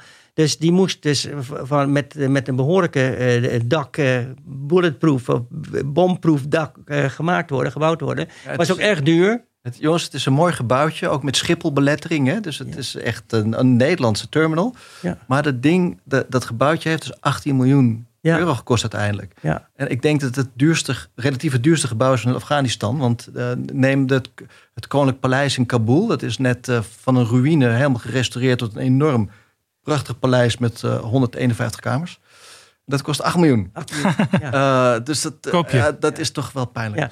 Maar, maar dat bestond nog. We, we gingen naar, de, naar die landbouwschool, de landbouwtechnische school daar. En in alle klaslokalen troffen we jongelui aan. Uh, ik vroeg aan al die jongelui waar ze vandaan kwamen. Want ik dacht, als ze allemaal uit Tarenkoot komen, dan heeft een hele beperkte uh, aantal leerlingen. Maar ze bleken uit de hele provincie te komen. Dus dat betekent dat het dat lager, onderwijs, lager onderwijs doorgegaan is in al die districten. Anders zouden het geen leerlingen kunnen leveren voor die middelbare school. er is dus ook blijkbaar een cultuur ontstaan van jij woont hier in dit dorpje als mijn kind. Maar ik wil wel graag dat jij naar die school ja. daar ginds gaat. Ja, precies. En, en de, de, het meisjesschool, die had in de tijd 60 uh, eh, meisjesleerlingen. En die had nu 1200, geloof ik. Hè, uh, 1600. 1600 uh, meisjes zitten daar nu op school. Uh, ze hebben dus een, een, verdubbeling van het aantal uh, onderwijzers en het aantal uh, gezondheidswerkers in, in de verschillende instellingen. Dus het viel mij heel erg mee. En wat ik ook heel erg leuk vond, we hebben in de tijd de, met de FAO geregeld dat als een beetje tegenhanger van de, de papaverteelt. Ja, de voedsel, de voedsel- en landbouworganisatie. Van ja, de voedsel- en landbouworganisatie van de papaverteelt was daar een van de belangrijkste inkomsten naast uh, tarwe en, en fruitteelt. Zeg maar de drugs, uh, de drugs. teelt. En wij hebben gezegd van nou we moeten in elk, in elk geval zorgen dat de tarwe uh, te, teelt verbeterd wordt. Want het was zaad wat ze dus van jaar in jaar uit al eeuwen gebruiken. Ja, en er werd altijd gezegd, dat gaan wij niet doen, want daar verdienen wij te weinig mee. Precies. Dus wij hebben toen uh, gezorgd dat er gecertificeerd uh, tarwe zaad en kunstmest geleverd werd in, bij alle families in de hele provincie. En de, de FAO, de Voedsel- en Landbouworganisatie van de Verenigde Naties, die zei van nou, dit hebben we nog nooit gedaan. En daardoor krijg je dus door kruisbestuiving dat het niet achteruit gaat. Want normaal als ze in een aantal boerderijen verbeterd zaadgoed leveren en vervolgens wordt het die jaren daarop gebruikt, dan gaat de kwaliteit heel erg achteruit. Omdat het kruisbestuift met slechte kwaliteit zaad. Maar hier, omdat iedereen verbeterd zaad had, bleef dus die, eh, die kwaliteit goed. En we merken, we eh, lazen in het rapport dat nu Oeruzgan 20% meer produceert dan het landelijk gemiddelde. Dus dat betekent dat gewoon. Dat is groter genoeg, hè? Ja, dat gelukt te zijn met die. Uh, dat is een effect. Tarwe, ja. Dat is gewoon een effect. Dat was een enorm grote klus om dat voor elkaar te krijgen in de hele provincie. Want je moest ook in onveilige gebieden met organisaties die wel toegang hadden tot die gebieden, moest je werken. In één, in één gebied eh, dat helemaal in handen was van de Taliban, werd er geklaagd vanuit uh, Quetta, het is het Centraal Comité van de Taliban, dat daar onder de neus van de Taliban uh, gecertificeerd zaad en kunstmest was verspreid onder de hele bevolking. Ja. En dat, nou, ik vind dat wel, uh, dat we dus daar wel, en dat het nog steeds een effect heeft. Ja, ja dus u als onverbeterlijk optimist zag dat er toch best wel veel positieve dingen te zien waren. Ja. Nou is het natuurlijk wel de, de oorlog is weer terug. De Taliban die, die omsingelt een stad, die controleert uh, mensen die on, op weg zijn. Er zijn ook vluchtelingenstromen. Dus je kan zeggen dat eh, die inzet op duurzame veiligheid, ja. om die te brengen in Oerskan, dat dat niet gelukt is. Ja, hebben ja. de Nederlanders, de, die, die, die internationale uh, gemeenschap, heeft dat niet voor elkaar gekregen. Nee, eigenlijk de, de oorsprong van waarom ooit de, de Amerikanen en de NAVO naar Afghanistan gegaan zijn Namelijk, uh, daar komt uh, Al-Qaeda vandaan, die uh, de Twin Towers kapot hebben gemaakt. en we willen daar, dat daar een einde aan komt, dat, die, dat Al-Qaeda definitief van de kaart geveegd wordt. in welke vorm dan ook. Hè. De Taliban gaf ze een, een, een huis. Dat is niet gelukt. Nee, maar het, het toont weer aan dat de, de lokale context, de, de, met name de politiek, goed bestuur een essentiële voorwaarde is voor ontwikkeling. En dat zie je overal. Dat zie je in Afrika. Dat zie je dus nu bijvoorbeeld in Venezuela, waar dus de, de hele economie in ingestort is vanwege slecht bestuur. En dat, dat heb je dus ook in Afghanistan. Je kunt als militaire proberen veiligheid te brengen. Maar als er dus onderling gevochten werd over wie de politiecommandant mag worden. Wat dus de afgelopen vijf jaar het geval is. Elke keer de, de verschillende stammen die willen de politiecommandant leveren. Maar dat is de machtigste positie. Maar dat is de machtigste positie. En degene die die positie krijgt, die wordt meteen omver uh, geschoten. Er vinden op dit moment om de havenklap uh, moorden plaats van sleutelfiguren die dreigen te machtig te worden in de, in de provincie. Nou, in zo'n situatie is het natuurlijk voor de Taliban heel makkelijk om de, de, de, de, de, de situatie waar ze toch al heel veel steun vinden van de lokale bevolking, om die te houden. Want in feite is de situatie niet zoveel veranderd van toen wij er waren, want een groot gebied van, uh, Taliban, van Oeruzgan was in handen van bevolking die sympathiek stond tegenover de Taliban. Mm. En die staan nog steeds sympathiek. Het grote verschil is nu dat die wegen afgesloten zijn rondom Talinkot, waardoor het moeilijk wordt om economisch uh, uh, de ontwikkeling op peil te houden. Ja, u zegt dus eigenlijk, ontwikkeling is een kwestie van lange adem. Ja. Je moet ook niet steeds uh, je criteria veranderen als je daar betrokken bent als Nederland. Nee. Toen in 2010 besloten werd door het kabinet Balken en de Bos om daar te stoppen, nadat ja, er viel zelfs een kabinet op.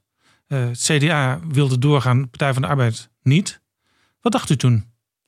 Nou, dat vond ik, uh, vond ik uh, verschrikkelijk. Ik bedoel, iedereen, zowel vanuit uh, de militairen als vanuit de, de, de, de, politici die betrokken waren bij de inzet in Oeruzgan, werd gepleit voor voortzetting van de missie, omdat we succesvol waren. We, waren, we werden door iedereen. Ik sprak met de, met de Amerikaanse generaal in Kandahar.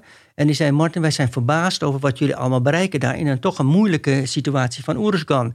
Kunnen jullie niet langer blijven? Het hoeft niet met de volle 1200 militairen, maar met een kleine groep om ondersteuning te geven aan de Afghaanse politie en het leger. En te zorgen dat de situatie daar uh, blijft voortbestaan of blijft verbeteren. Ja, dat was eigenlijk een erkenning voor wat wel de Dutch approach erkenning werd. voor, Erkenning voor wat, de, wat vaak de Dutch approach wordt genoemd. Namelijk met de mensen in gesprek gaan en uh, niet alleen maar komen zeggen van zo moet het en niet anders. Ja, en, en vooral ook met mensen die dus uh, uh, te lijden hebben onder de onveiligheid, om daarmee samen te werken, zodat zij zien van dat zij dus gewoon ook meetellen in de, in de ontwikkeling van het land. En ook een kans krijgen op onderwijs, gezondheidszorg en dergelijke. Ja. En als we dat een tijd hadden volgehouden, die situatie, veiligheidssituatie hadden behouden in Oeruzgan, hadden we al die tijd mensen kunnen opleiden, kunnen zorgen dat de economie vooruit ging, de, de, het onderwijs vooruit ging. En daarmee leg je een basis die op een gegeven moment onweerkeerbaar is.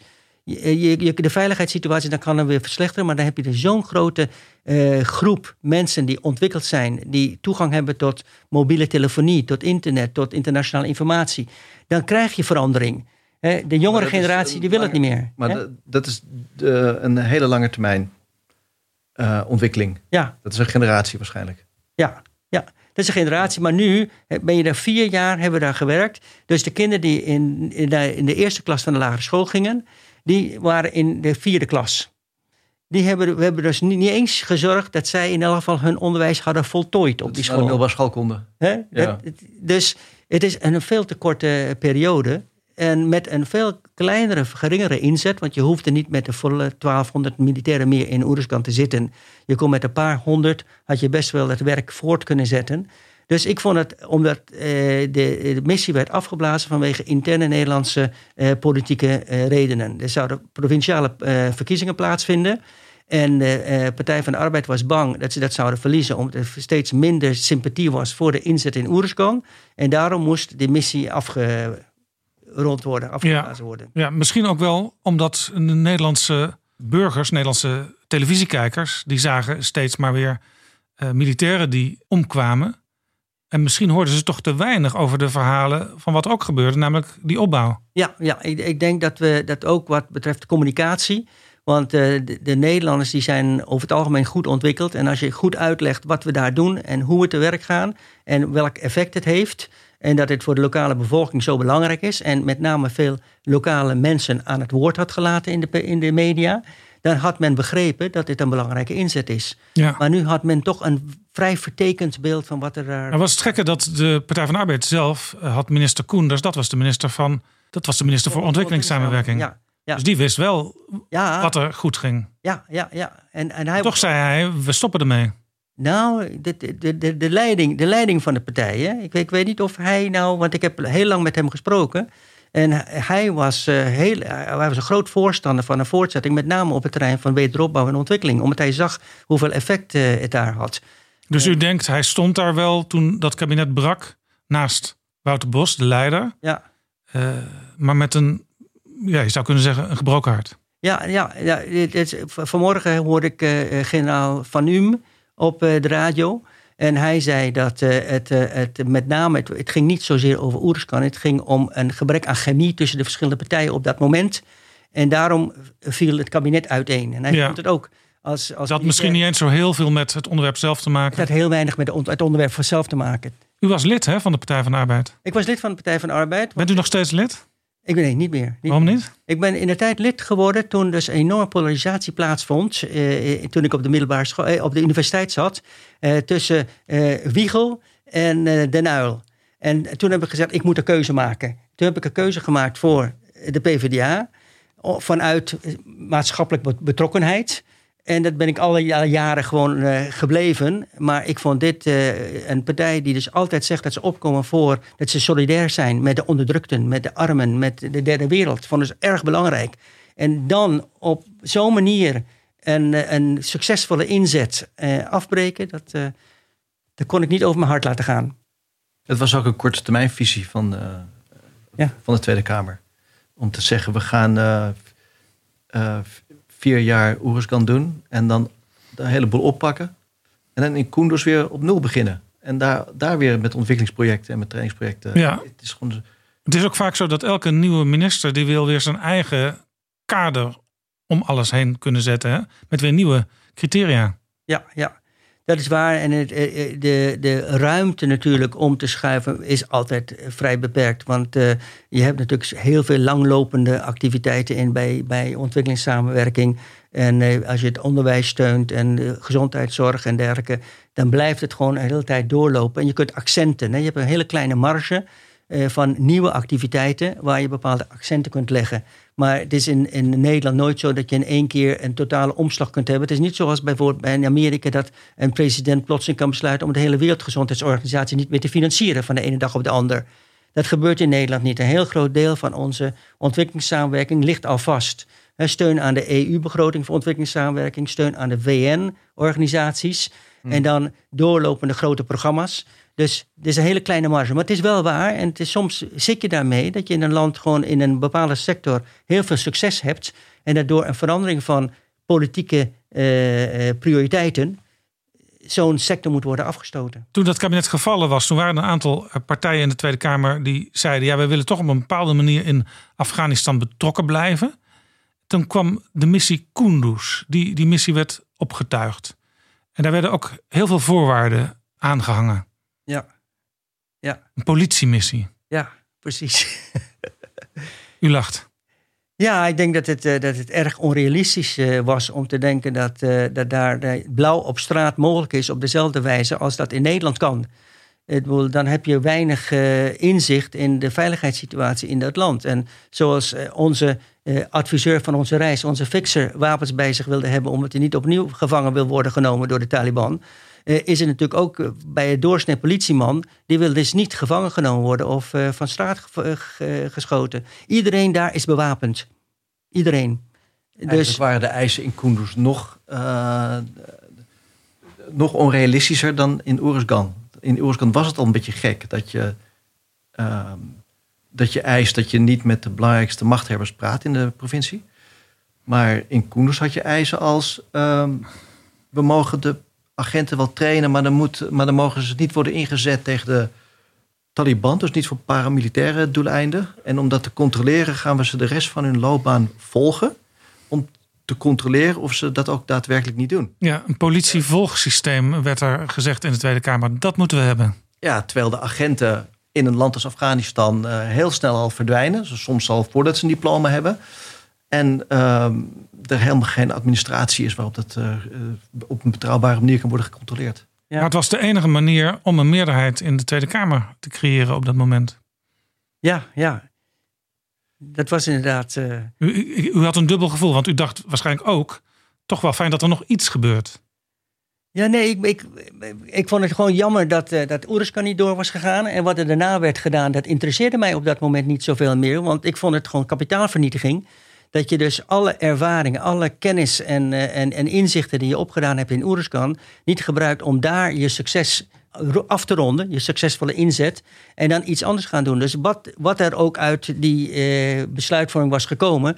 Ik had toen besloten, ik vertrek nu uit uh, Afghanistan. Ik heb daar vijf jaar gezeten. En met het einde van de missie in Oeruzkan, als dat doorgegaan was, was ik misschien nog wel één of twee jaar gebleven. Maar nu zei ik van, nou, dit is een mooie tijd om het af te ronden. En wat er nu verder in de rest van het land gebeurt, dat, daarbij ben ik toch niet meer bij betrokken. Die nieuwe missie die werd toen mede mogelijk gemaakt door GroenLinks. U dacht toen niet, ik word lid van GroenLinks. nee. nee. Nou, ik, vraag me wel eens, ik vraag me af of wij als Nederland niet die, die ontwikkelingssamenwerking helemaal los hadden kunnen organiseren van uh, die militaire uh, inzet. Want, uh, maar dat is niet uh, gebruikelijk, hè? want uh, in Den Haag zeggen ze altijd diplomacy, development, defense. De 3D-benadering, dat gaat samen. Ja, Maar als ik nou zie hoe de belangrijkste projecten in Oeruzgan zijn gebouwd door Duitsland, op verzoek van Nederland. Weliswaar door de inspanningen van Martin, die heeft hun overtuigd. De, de, de, Duitse ontwikkelingstak heet GIZ. En dat is echt een, vol, een volwaardige dochter van de Duitse regering. Dus dat, heb, dat hebben we niet in Nederland. Maar die zijn, die zijn heel degelijk. Uh, Martin weet voor elkaar te krijgen dat die ook inderdaad geld uit gaan geven. Dat die komen naar Oersgan en daar uh, gaan, gaan helpen. Nou, ik heb ze bezocht een dag en zij hadden een eigen uh, kwala, dus een eigen Afghaans huis in Tarinkot. Zonder militairen, zonder bewakers. Um, zij deden uitgebreid um, overleg met alle stammen langs die weg. Of uh, zij hebben ook de vakschool gebouwd voor de Nederlanders. Zij hebben ook dat peperdure terminalgebouw gebouwd. Um, zij zorgden voor, uh, voor draagvlak en steun van de lokale bevolking. En daarna gingen ze aan de slag. Dus de Taliban heeft hun niet aangevallen. Ze hebben één auto verloren door het mijn. Maar ze zeiden zelf tegen mij... Uh, ja, maar dat had iedereen op kunnen rijden. Dus dat was niet echt op ons bedoeld, die, die mijn. Ze waren wel drie man kwijt, maar... Dat was dus het, het risico van het vak om daar te zijn. Uh, en verder hebben ze dus zonder dat ze ooit aangevallen zijn of problemen hebben gehad, hebben ze dus enorme ambitieuze projecten kunnen doen. Uh, ik vond het ontwikkelingswerk, zoals veel uh, hulporganisaties dat uh, zouden willen, en, en, toch uiteindelijk niet doen omdat ze denken: het is hier echt te gevaarlijk. Uh, want veel hulporganisaties zaten in Kamp Holland of die zaten in een soort buitenring van Kamp Holland, waar toch nog een beetje uh, bewaking was. Maar zij zaten er echt helemaal buiten. Dus toen ik daar was, dacht ik van hadden we het niet gewoon zo kunnen doen? Nee, ik, ik, ik denk het niet. Hè. Zoals uh, de situatie veilig is gebleven na ons vertrek door dat Matteo de Gaan, die dus met zijn leger de, de, de, de veiligheid bewerkstelligde, mm. had, je, had je in zo'n moeilijke, conflictueuze situatie, had je wel mensen nodig die op een gegeven moment voor de veiligheid zouden zorgen. Anders had je niet al die organisaties gekregen eh, om naar de oerderskant te komen. Kijk, of je met zo'n grote uh, macht had moeten komen. Misschien als je, als je een afspraak had kunnen maken met de Afghaanse regering. dat er voldoende politie en leger geplaatst zou worden in Oeruzkan. Want dat was niet het geval in het begin. Ja. Als die er zouden zijn. Ja. en je met me mentoren vanuit Nederland. dus een stuk begeleiding en ondersteuning vanuit Nederland had je wel, wellicht daar kunnen werken. Ja. Maar je moest iets doen aan de veiligheidssituatie. Anders kreeg je niemand die bereid was om in Oeruzkan te werken. U zegt eigenlijk, het kan niet anders. Het, het, daar je moet kon het, het samen niet anders. doen. Ik weet niet of het altijd zo is, maar daar kon het in elk geval niet Je anders. had niet buiten dat kamp Holland op een kantoortje kunnen zitten, denk je, zoals GIZ heeft gedaan. Misschien, kijk, GIZ die kon dat na, na twee of drie jaar Nederlands inzetten. Ja. Zij kwamen daar in 2009 nadat Nederland een stuk. En, en toen kwamen er al 40, 50 organisaties kwamen Oeruzgan binnen. omdat het een stuk veiliger werd. door de inzet van, uh, van uh, Nederland en. Uh, de ondersteuning van de Afghaanse politie ja. en leger. Ja. Ja, Even, dat is dus het dilemma. Ja. Kan je ontwikkelingssamenwerking doen zonder die hele militaire poten? Ja. Ja. Want die, de militaire inzet kostte dus 2 miljard euro. Uh, even last van de mensenlevens onder burgers en uh, soldaten. Die gouverneur van Oeruzgan op dit moment die zei van als je die 2 miljard euro gewoon had, in, had gestoken in ontwikkelingssamenwerking, dan uh, was daarin Kot nu net zo mooi als Amsterdam, zei hij. Ja. Met grachten erbij. Ja. Even tot slot de actuele situatie. Er wordt af en toe gesproken door de Afghaanse regering en de Taliban samen om te kijken of ze misschien een soort regering van nationale eenheid kunnen vormen. Is dat iets wat ook daadwerkelijk gaat gebeuren? Noël, je hebt al die mensen gevraagd naar hun mening. Nou, ik heb, vooral, ik heb een vraag geschreven over wat vinden de Afghanen, de, de, de, de inwoners van Kabul op straat eigenlijk van, wat verwachten ze ervan, uh, hoe hun leven gaat veranderen. Wat de uitkomst van deze besprekingen zal zijn, weet ik niet. Als je het vraagt aan Afghanen, dan zeggen ze, vraag het aan de buitenlanders. In plaats van, God weet het, zeggen ze, buitenlander weet het. en, uh, maar dan uh, in het Afghaans.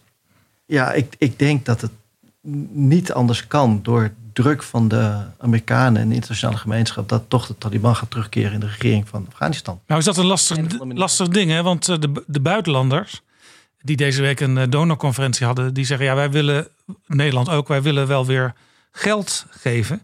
Maar bijvoorbeeld Donald Trump, die wil als een van de laatste uh, daden als president terugtrekking uit ja, Afghanistan. Ja, ja. Ja, en het is de bedoeling dat ook de hele NAVO zich uh, grotendeels gaat terugtrekken tegen maart of april uh, volgend jaar. En uh, ja, daar heeft men toch wel, houdt men een hard hoofd in. Hè? Zelfs de veiligheid van de vliegvelden op dit moment wordt gegarandeerd door de NAVO. Een aanwezigheid, al is die beperkt, is wel nodig, naar uw inzicht. Ik denk wel dat het nodig is, omdat het toch een behoorlijke ondersteuning biedt aan Afghaanse leger en politie. Kijk, als de Taliban terugkeren in de regering, dan uh, mag je hopen dat ze ook ophouden met uh, de aanvallen op uh, ja. politieposten en legerposten. Dus dan heb je dus niet meer die hele sterke, versterkte posten nodig in, in alle steden. En is het dan wel een andere Taliban dan waar ooit tegen ten strijde werd getrokken? Zijn ze iets redelijker en realistischer geworden? Dat, dat, dat is de grote vraag. Hè? Dus, de mensen die in, in Doha zijn geweest en gesproken met de Taliban die zeggen de mensen die daar zijn, die zijn heel redelijk en uh, uh, willen zich houden aan de mensenrechten, zegt men. Maar uh, wij hebben dus informatie van mensen die dus in Pakistan contact hebben met de beleidsmensen van de Taliban. En die zeggen, de Taliban zijn nog steeds precies als vroeger. Die zijn nog steeds heel fundamentalistisch en die willen nog steeds niet dat vrouwen naar school gaan. En dat zij dus... Ze zeggen, die rijden op dezelfde ezel naar Kabul. Ja. Misschien één lichtpuntje tot slot. De president van Afghanistan die zei deze week in zijn speech daar in Genève dat 74% van de inwoners van Afghanistan onder de 30 jaar is. Zijn dus echt heel veel jonge mensen. Ja. ja en jong, dat kan ook vooruitgang betekenen. Ja, ja. En emancipatie. Ja, en het, het, het, wat ik begrepen heb is dat op eh, de Kabul Universiteit, die jongeren, die willen gewoon een nieuw tijdperk in. En die willen dus niets meer te maken hebben met die situatie waarin warlords en dergelijke de, de, de, de zaken uh, besturen. Ja, we moet, gewoon... moet het niet zien als een generatiekwestie. Het is vooral een verschil tussen steden en, uh, Ook, ja. en rurale gebieden en het platteland. Wat je eigenlijk overal ter wereld ziet. Ja, ja. en het is dus niet zo dat, uh, dat al die jongeren een opleiding krijgen. Nee, als je in een, in een dorp komt in Oersgan, dan uh, is de levensverwachting buitengewoon laag. 40 bijvoorbeeld. En dat komt dan door tekort aan kennis over hygiëne. En dan heb je het over handen wassen. En uh, uh, natuurlijk sterft in het kraambed. En, en, dus dat ene optimistische puntje wat ik nog had, dat sla jij nu ook van tafel? Nee, nee, nee want ik wilde zeggen, in de grote steden loopt er wel een heel ander soort. nou ja, dat is gewoon een hele andere sfeer. Die, daar zie je gewoon jonge vrouwen rondlopen met een thermoskan onder hun arm en dan gaan ze naar hun werk. En zelf mensen met veel zelfvertrouwen en ook goed opgeleide, met goed opgeleide mensen. En de jongste parlementariër, een vrouw. Ja, ja. hartstikke leuk gedaan. En, en, en de, de, Kabul is natuurlijk één van de steden, maar in alle grote steden heb je dezelfde situatie. In Herat, wat uh, de tweede grootste stad is van Afghanistan, daar is dus ook uh, de situatie heel modern. Daar kun je dus gewoon rondlopen. Ik heb vandaag nog van uh, de Afghaanse ambassadeur een filmpje gekregen dat opgenomen is in Herat door een paar Engelsen die daar rondlopen en naar de historische plekken kijken. Ja. Dus het, het, land in, in, de, in ver afgelegen rurale gebieden is de situatie nog heel traditioneel. En Oeruzgan is natuurlijk een heel afgelegen gebied. Maar in de grote steden, waar het, de, het grootste deel van de bevolking woont tegenwoordig, is er een stuk moderniteit uh, uh, heeft plaatsgevonden. En die mensen willen dus niet meer de Taliban terug hebben zoals ze in de tijd uh, daar, daar. De jaren negentig waren. Jaren negentig ja, waren. Toch nog een beetje optimisme en een opdracht eigenlijk voor de politiek, voor de Tweede Kamer en de ministers. Eh, denk een beetje meer op lange termijn en verander niet steeds je prioriteiten. Mag ik u beiden hartelijk danken, uh, Martin de Boer en Noël van Bemmel. Dank u wel, graag gedaan.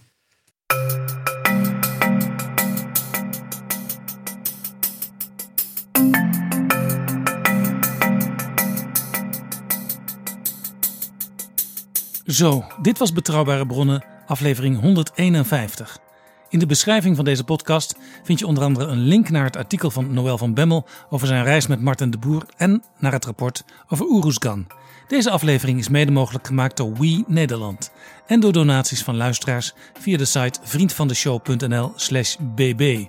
Op die site kun je ook allerlei extra's vinden rondom betrouwbare bronnen. En als je deze podcast waardeert, stellen wij het zeer op prijs als je ons een donatie zou willen geven. Groot of klein is allebei fijn. Tot volgende keer. Betrouwbare bronnen wordt gemaakt door Jaap Jansen in samenwerking met dag en nacht.nl.